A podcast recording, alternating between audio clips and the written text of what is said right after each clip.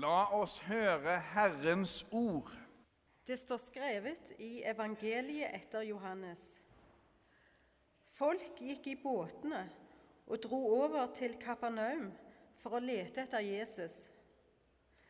De fant ham på den siden av sjøen og sa til ham, 'Rabbi, nå kommer du hit.'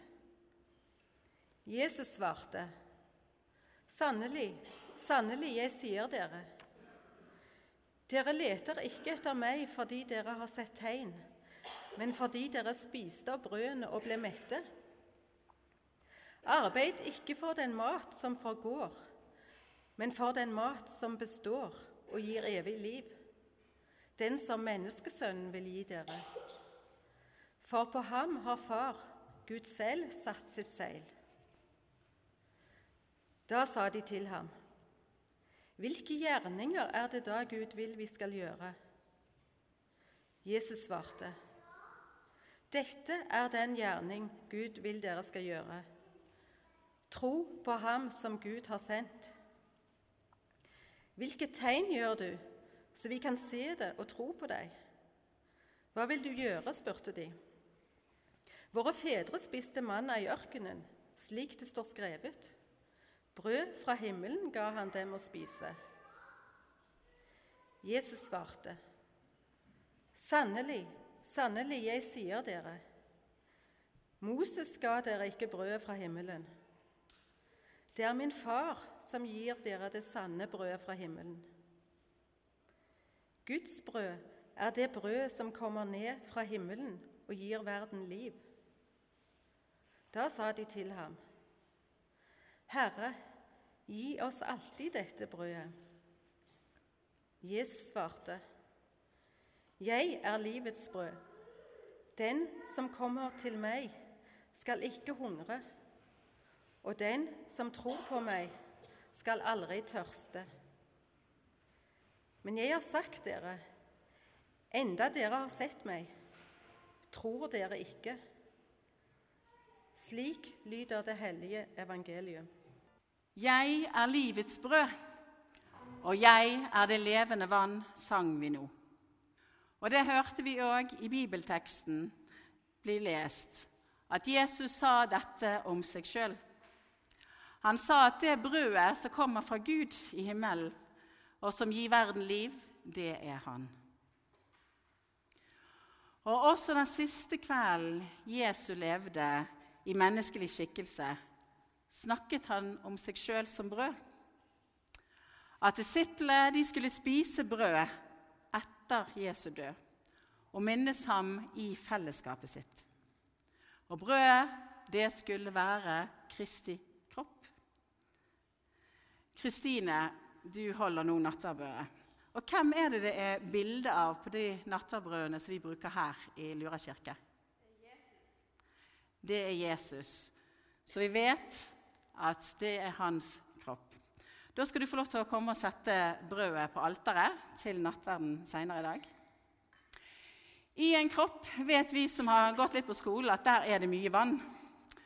Og Derfor er vann livsviktig for oss. Alle må ha vann.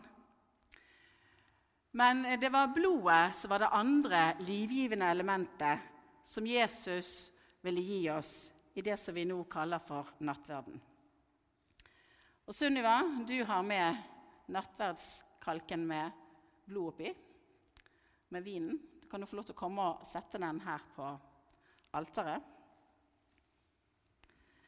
Sånn at Seinere i gudstjenesten så er vi alle invitert frem til dette bordet.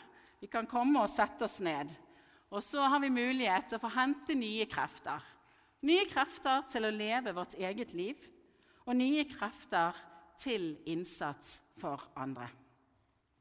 Men før vi ble invitert til nattverdbordet, så inviteres vi mennesker til dåp.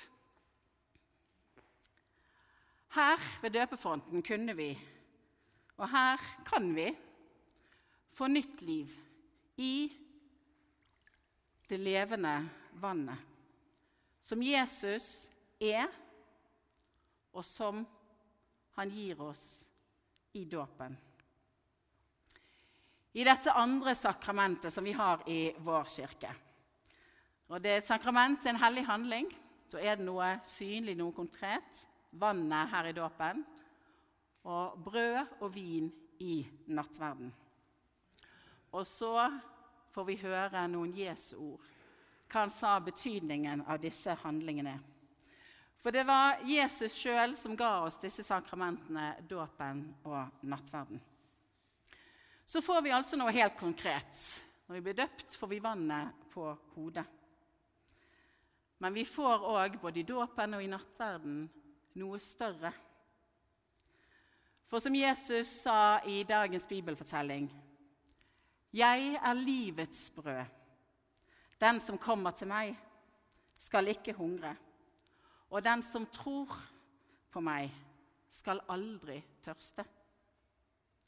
Og troen, den får vi som en gave i dåpen. Og dere konfirmanter, dere har virkelig åpnet og brukt den gaven nå i konfirmasjonstiden. Så sa ikke Jesus bare at eh, han var livets brød, men han lærte oss òg å be om brød i den bønnen som brukes i denne kirken, over kirker i hele verden hver eneste søndag. Gi oss i dag vårt daglige brød. Vi skal få be om mat og drikke som vi trenger for å leve. Og For noen så er kampen for å få nok mat og rent vann en helt reell problemstilling. I Somalia, for eksempel, som er i fokus for årets fasteaksjon, som vi er med på i dag, så er mennesker tvunget til å forlate hjemmene sine pga. den langvarige tørken.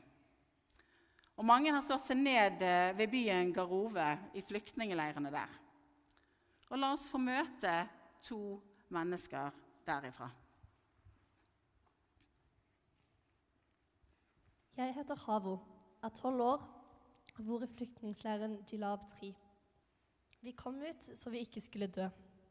Ikke dø som mamma og storebror, som døde av tørken. De fire andre brødrene mine og en søster overlevde selv om vi alle bare var skinn og bein etter at regnet sluttet å komme, år etter år. Det var også derfor geitene våre døde. Men her i leiren sørger Kirkens Nødhjelp for rent vann. Og hver dag går jeg til en av vannpostene og henter vann. Da kan jeg lage mat og vaske klær for småsøsknene mine. Etterpå kan jeg gå til tante i en annen flyktningleir og hjelpe henne også. Jeg vil være en flink jente. Jeg ønsker å hjelpe andre. Og om jeg får jobb på et sykehus, kan jeg hjelpe mange. Kanskje kan jeg gi baller til barna, så de har noe å leke med. Det har jeg lyst til. Drømmen min er å bli sykepleier for å hjelpe andre. Jeg heter Farah og er 13 år. Jeg bor i en flyktningleir i Somalia. Den er i en forblåst ørken utenfor Garove. Familien min er her fordi vi mista alt vi hadde. Dyra våre døde, og livet ble veldig vanskelig der i tørka. Det bor 25 000 mennesker her i leiren. Og først bodde vi ti personer i huset til foreldrene mine. Men så flytta jeg ut og bygga mitt eget hus sammen med kameratene mine. Det bygga vi av bølgeblikkplater og litt andre ting som vi samla i nesten ett år. Livet her i leiren er veldig hardt. Folk får ikke jobb, og vi er helt avhengig av humanitær hjelp. Mange her sulter.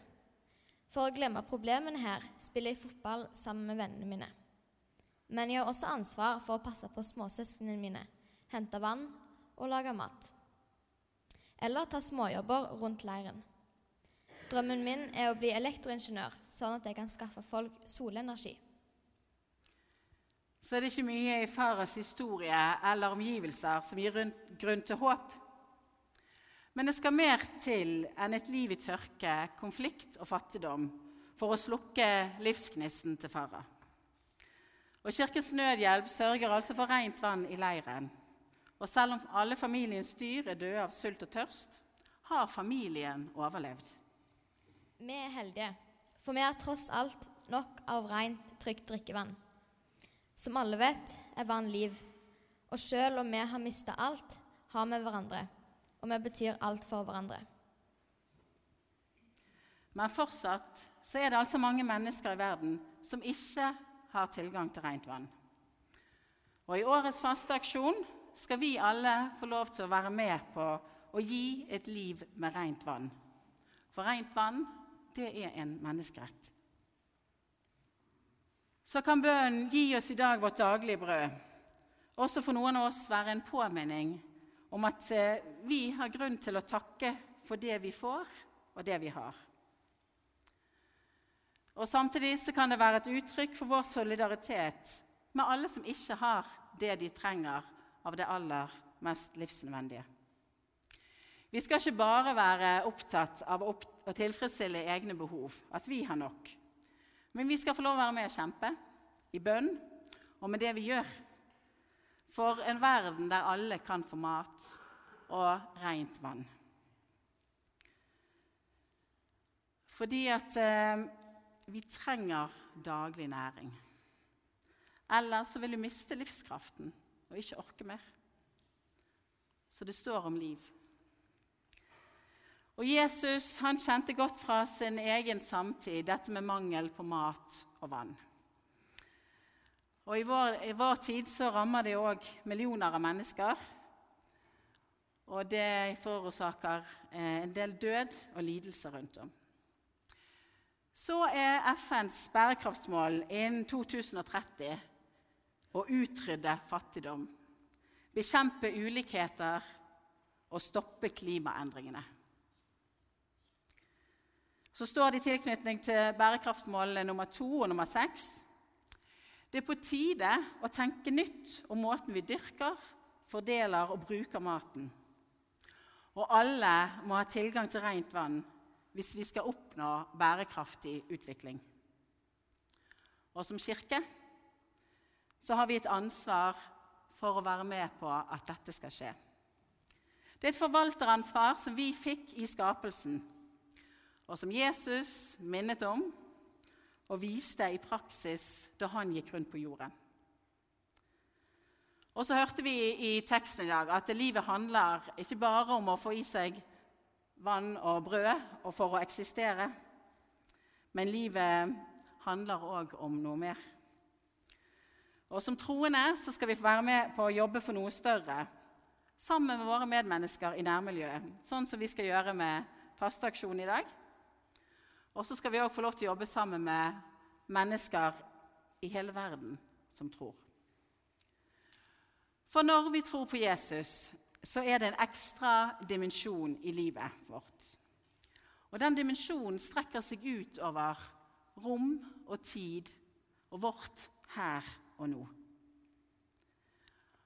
Og det gir håp. Et håp om at en dag er det noe som skal bli evig godt og rikt. Og rettferdig fordelt. Ingen skal måtte si urettferdig, for da skal det være rettferd. Og mer enn det som vi klarer å oppnå her og nå. Vi skal jobbe for det, men vi kommer ikke til å klare det helt. Jesus har med sin seier over døden gitt oss en forsmak på det gode og evige, som vi nå snart skal få feire i påsken. Og så, en gang inn i framtiden, skal vi få kunne oppleve på en ny jord at håpet oppfylles, og at alt er rettferdig og godt for alle. Forever.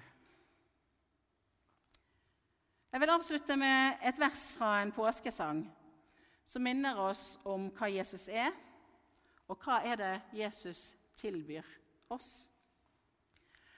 Tro ikke at Jesus er borte, tro ikke at Jesus er død.